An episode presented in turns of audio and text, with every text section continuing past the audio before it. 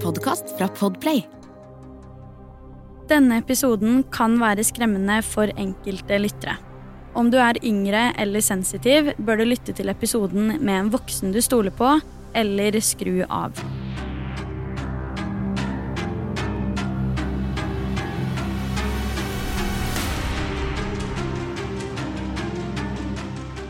Hei og velkommen til en helt ny episode av Forsyningsfredag podkast og snart godt nyttår.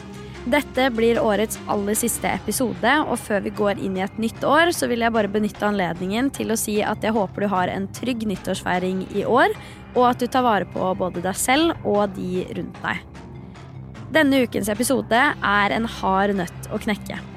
Dette er nemlig ikke en sak som er lang og komplisert med mange vendinger, men den er likevel så drøy at jeg er sikker på at flere av oss vil sitte med gåsehud nedover ryggen om ikke så altfor mange minutter. Denne saken er til dags dato en av Sør-Koreas topp tre største forsvinningssaker, og den er til dags dato også uløst. Dette må være en av de drøyeste sakene jeg har hørt om, og nå er jeg veldig spent på å dele den med deg der hjemme. Dette er saken om The Frog Boys. Rundt klokka ni på morgenen den 26. mars 1991 forsvinner fem unge gutter fra Daegu i Sør-Korea. Alle guttene var mellom 9 og 13 år, og ingen av dem var i familie med hverandre. Ifølge forklaringer fra foreldrene var alle disse fem guttene nærmere enn brødre og omtrent uatskillelige. Faktisk bodde de alle sammen så nærme hverandre at husene deres danna en sirkel rundt en lekeplass hvor de alle sammen pleide å leke da de var små.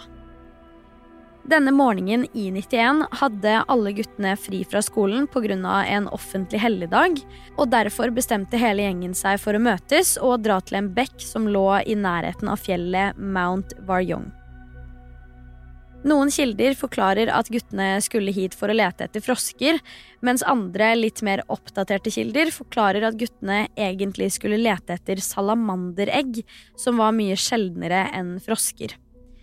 Det menes dermed at dette var en misforståelse helt fra starten av, og litt senere i episoden vil du antageligvis skjønne hvorfor dette har noe med saken å gjøre. Som jeg så vidt nevnte, så var jo dette her en offentlig markeringsdag i Sør-Korea i forbindelse med et lokalvalg, som jeg kommer tilbake igjen til litt senere. Denne offentlige markeringsdagen var visstnok også nok en grunn til at guttene ønska å møtes den dagen, og det er jo rimelig å anta at det i tillegg var veldig mange andre folk ute denne dagen. Det vil jo i grunn også si at dersom noe har skjedd, så burde det jo ikke akkurat være så vanskelig å kalle inn vitner på teppet, samtidig som baksiden ved at det antageligvis var såpass mye folk ute, er at det fort kan gjøre at man forsvinner veldig i en stor folkemengde. Det ryktes faktisk om at en sjette gutt egentlig skulle være med den dagen her, men han hadde ikke spist frokost den dagen, så han valgte å gjøre det først, så skulle han egentlig da henge med de litt senere. Lite visste han at dette kanskje skulle være med på å redde han selv. Stedet guttene dro til, lå faktisk veldig nærme der de bodde. I forklaringer sies det at det lå rundt to kilometer unna. Derfor var alle foreldrene også trygge på at dette kom til å gå helt fint, i tillegg til at de hadde vært der veldig mange ganger før, så det var ingenting som skulle tilsi at noe skulle skje med disse barna. En av foreldrene har forklart følgende. Sønnen min kom hjem for å hente en tykkere jakke, og da jeg spurte han hvor han skulle, sa han ikke noe mer enn at han bare skulle ut og leke. I forklaringer fra avhør så er det én person som har forklart at han møtte på disse guttene enten på veien inn i skogen eller allerede inne i skogen, og at han da spurte dem hva de skulle og hva som skjedde. Guttene hadde da angivelig svart at de skulle lete etter frosker eller salamanderegg. Grunnen til at denne forklaringen bærer preg av enten var det sånn eller sånn, er rett og slett fordi den faktiske forklaringen ikke ligger ute offentlig, så det er litt forvirring rundt helt nøyaktig hva denne personen sa. Uavhengig av det her så visste ikke foreldrene før de fikk greie på dette her avhøret, at dette var det guttene drev med. Like etter klokka hadde slått 13.00 denne dagen, fikk en av foreldrene til en av guttene i gjengen en telefon fra lederen i den lokale taekwondo-klubben. Her gikk nemlig sønnen til faren som fikk denne telefonen.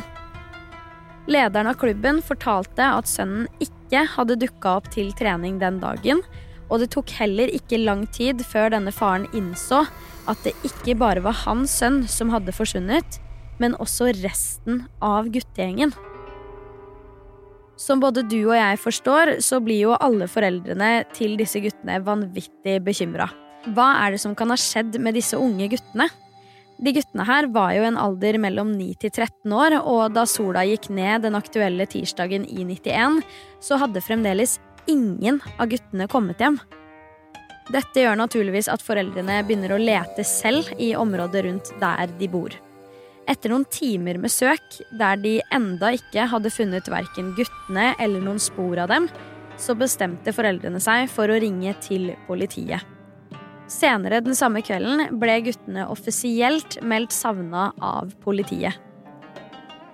I denne innledende fasen av etterforskningen fikk politiet ganske umiddelbart to teorier om hva det er som kan ha skjedd, men som begge to egentlig var ganske usannsynlige.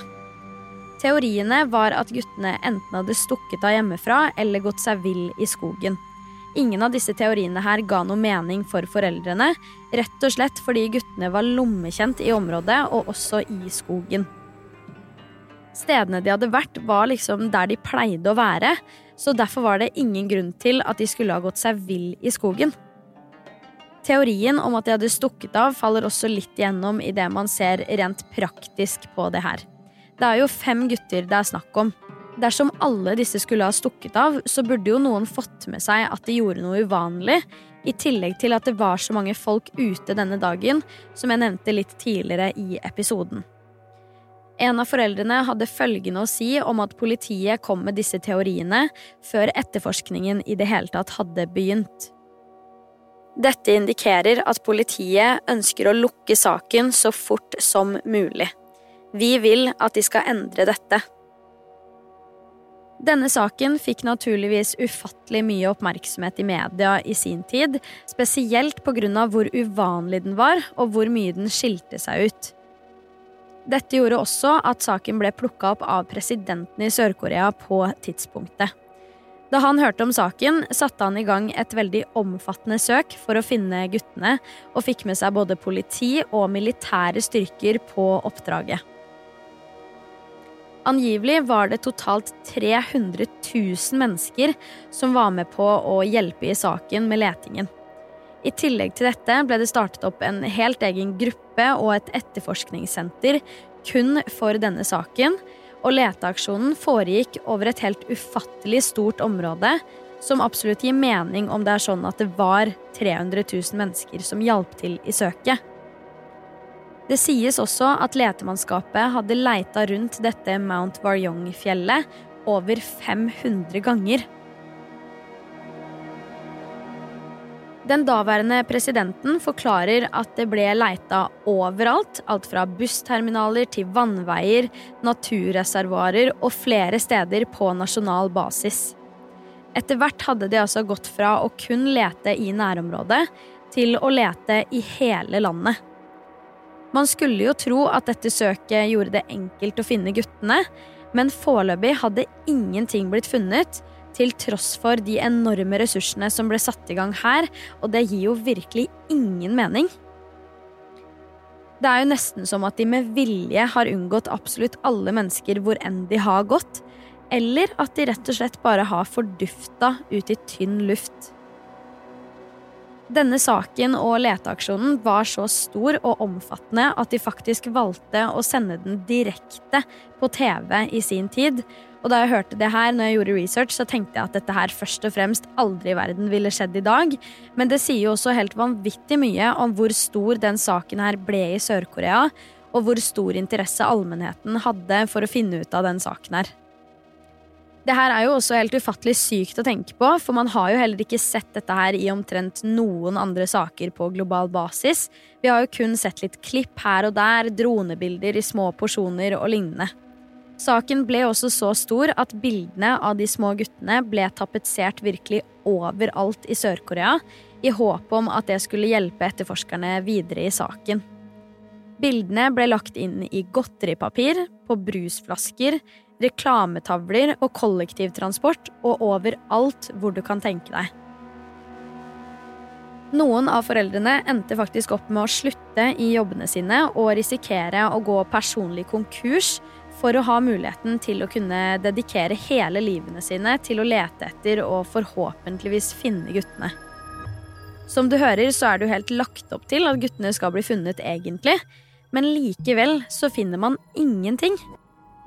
Til og med flere skoler, samfunnsgrupper og bedrifter donerte penger og ga gaver på til sammen 35 000 dollar. Og dette skulle gå til belønning til personen eller personene som klarte å finne guttene, rett og slett fordi de ønska å motivere flere folk til å være med og lete. Ikke engang dette ga noen videre resultater i etterforskningen. I likhet med veldig mange andre kriminalsaker av dette kaliberet, så oppstår det alltid veldig mange rykter, teorier og antagelser, og denne saken er selvfølgelig ingen unntak. Innledningsvis i denne saken så gikk det en del rykter om at guttene hadde blitt kidnappet av en mentalt ustabil person, men det var også et rykte uten noe som helst form for grunnlag. På et tidspunkt var det over 500 ledetråder, men så sykt som det er, så førte ingen av disse her til noe som helst, og alle sammen viste seg å være falske.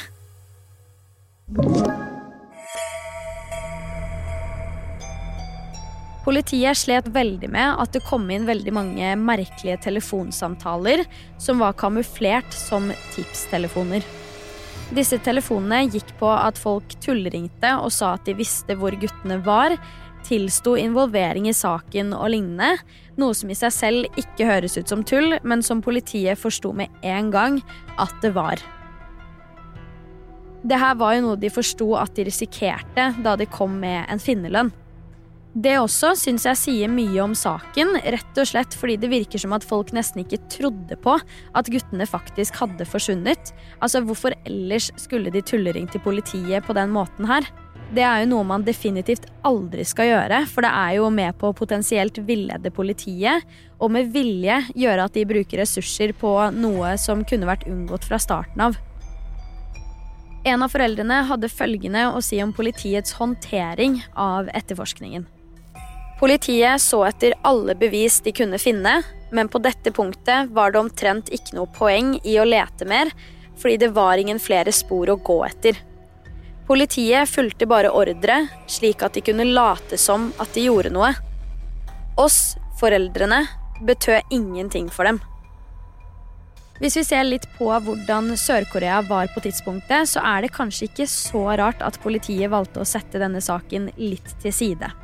Jeg personlig antar at de hadde veldig mye å gjøre fra før av på politistasjonene rundt om i Sør-Korea, rett og slett fordi det i denne perioden var en veldig stigende interesse for et demokratisk samfunn.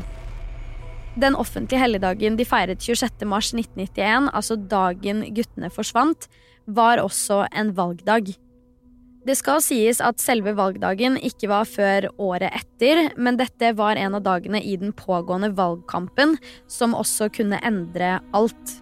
Sånne revolusjonerende hendelser i et land pleier jo å trigge frem en rekke reaksjoner hos enkelte, så derfor var nok politiet veldig i beredskap i forhold til det, da denne valgkampen var en pågående prosess, samtidig som etterforskningen av saken til guttene fant sted.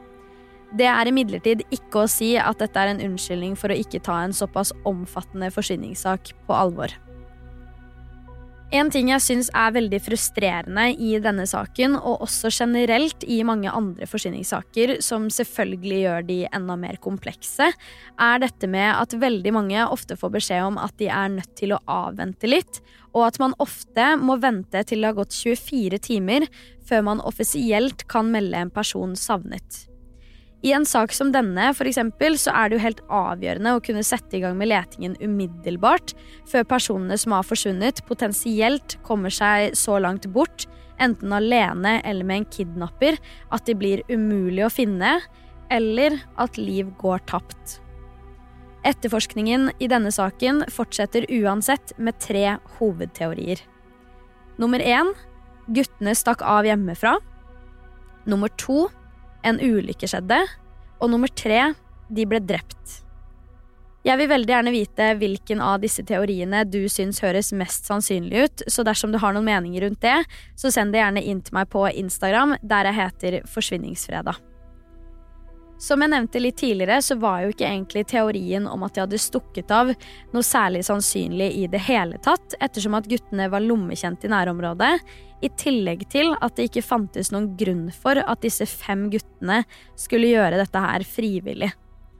Beklageligvis hadde ikke politiet verken spor eller ledetråder til å kunne utforske disse andre teoriene noe mer heller, så de ble bare ansett som sannsynlige utfall, rett og slett basert på erfaring og antagelser. Politiet hadde altså ingen spor eller ledetråder i majoriteten av etterforskningsperioden, men dette skulle snu elleve år senere. 26.9.2002 oppdager politiet et sjokkerende funn. Det er denne dagen de fem guttene blir funnet, men beklageligvis døde. De unge guttene blir funnet av en tilfeldig mann som var ute i skogen for å lete etter en form for dyr. Vi vet ikke 100% sikkert hva han skulle, men det kan ha vært å lete etter frosker eller salamanderegg, da det var veldig populært i det aktuelle området. Mens han gjør dette, så legger han brått merke til noe som ligger nede i det jeg vil kalle et kratt av noe slag. Det han ser, viser seg å være menneskelige hodeskaller og barneklær. Dette funnet ble gjort på samme sted som guttene sist ble sett, og utrolig nok er det bare rundt to kilometer fra der de bodde. Hvordan ble ikke dette her funnet i den innledende fasen av etterforskningen, da så ufattelig mange mennesker var med på å lete i akkurat dette området? Og hvordan er det fysisk mulig at de har vært på samme sted i elleve år, men aldri blitt funnet etter de massive ressursene som ble brukt i saken? Alt fra privatpersoner, politi og også militærstyrker har vært i dette området, men så har ingen av de noen gang sett det? For meg så syns jeg det her er så utrolig merkelig. Altså, Så mange personer kan jo ikke tilfeldigvis ha oversett det. Det er jo virkelig som at de har fordufta fra jordens overflate og på mystisk vis kommet tilbake igjen. Etter hvert som foreldrene blir tilkalt og kommer til stedet, har en av foreldrene forklart følgende. Synet mitt ble uklart, og så begynte jeg å gråte. Det var vanskelig å tro at sønnen min var begravet der, men jeg måtte det. Rundt 30 minutter senere ble vi alle stille. Jeg innså at forholdet mitt med sønnen min, det var over. Ganske kort tid etter funnet av guttene så kommer politiet med en melding om at de ikke har funnet noen tegn til at guttene er blitt drept. Politiet mente da at guttene sannsynligvis hadde frosset i hjel, men så er det et par punkter her som i så tilfelle ikke gir helt mening. Dersom det var så kaldt at de kunne ha frosset i hjel, så bodde de jo bare to kilometer unna og hadde ikke hatt noe problem med å gå hjem om de skulle være kalde. Punkt nummer to er også at denne dagen var mellom 10 og 15 grader i løpet av de timene vi vet at guttene var i fjellet, så sannsynligheten for at de har frosset i hjel, høres veldig lav ut hvis man tar det i betraktning. Heldigvis ble det gjort obduksjonsundersøkelser av guttene, og tre av disse viste veldig tydelige tegn til stump vold. Rettsmedisinerne mente at dette kunne komme fra et slags metallobjekt, og har forklart følgende. Vi fant merker på tre av de fem hodeskallene, som så ut til å være slag fra metallgjenstander. Muligens et verktøy av noe slag. Ifølge rapportene så virket det da som at noen av guttene hadde blitt slått i hodet med eksempelvis en jernstang, og deretter dødd av kraniebrudd, altså brudd i hodeskallen. Hva som er grunnen til at de to andre guttene døde, er fremdeles usikkert, og det kommer heller ingenting tydelig frem i obduksjonsundersøkelsene. Klærne til guttene var også funnet knytt sammen, og det ene liket ble funnet med en truse over skuldrene sine. I tillegg til det ble det også funnet en pose med ubrukte kuler på innsiden av en jakke. Dette her er jo helt åpenbart noe guttene ikke kunne gjort selv, spesielt ikke dette her med klærne. Dette gjorde jo at det var flere og flere ting som pekte i retning av et drap, og politiet hadde nå en veldig tydelig etterforskning å bedrive. Den hadde gått fra å være en forsvinningssak til å nå bli behandlet som en drapssak. Politiet fikk imidlertid veldig sterk kritikk for hvordan de håndterte åstedet og funnet da de først kom dit. På mange måter kan man sammenligne det her med hvordan politiet var i Amanda Knox-saken. Generelt gikk politiet og rettsmedisinerne rundt på åstedet uten at de hadde på sterile antrekk. De hadde ikke noe bruk av hansker eller lignende, så det var fare for at bevisene kunne bli tuklet med eller potensielt ødelagt.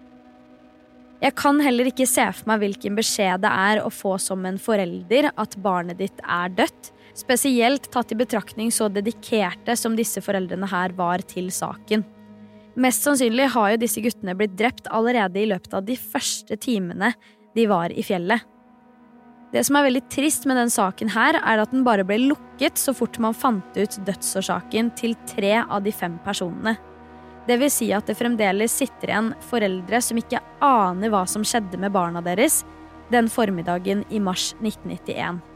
Antageligvis er dette noe verken vi eller de noen gang vil få vite. Som alltid er jeg veldig interessert i å høre dine tanker og meninger rundt saken. Og i denne saken vil jeg veldig gjerne høre hva du tror skjedde med disse barna på 9 og 13 år. Hvis du har noen tanker og meninger rundt det her, så send det gjerne inn til meg på Instagram, der jeg heter Forsvinningsfredag. Du har hørt Forsvinningsfredag podkast med meg, Sara Høydahl. Tusen takk for at du har lytta til episodene vi har publisert i år. Vi er tilbake med en helt ny sesong allerede neste fredag, og i mellomtiden, ta vare på deg selv.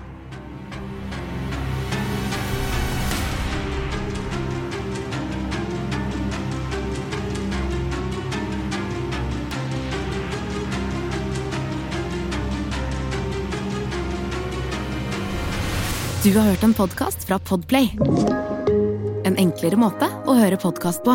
Last ned appen Podplay, eller se podplay.no.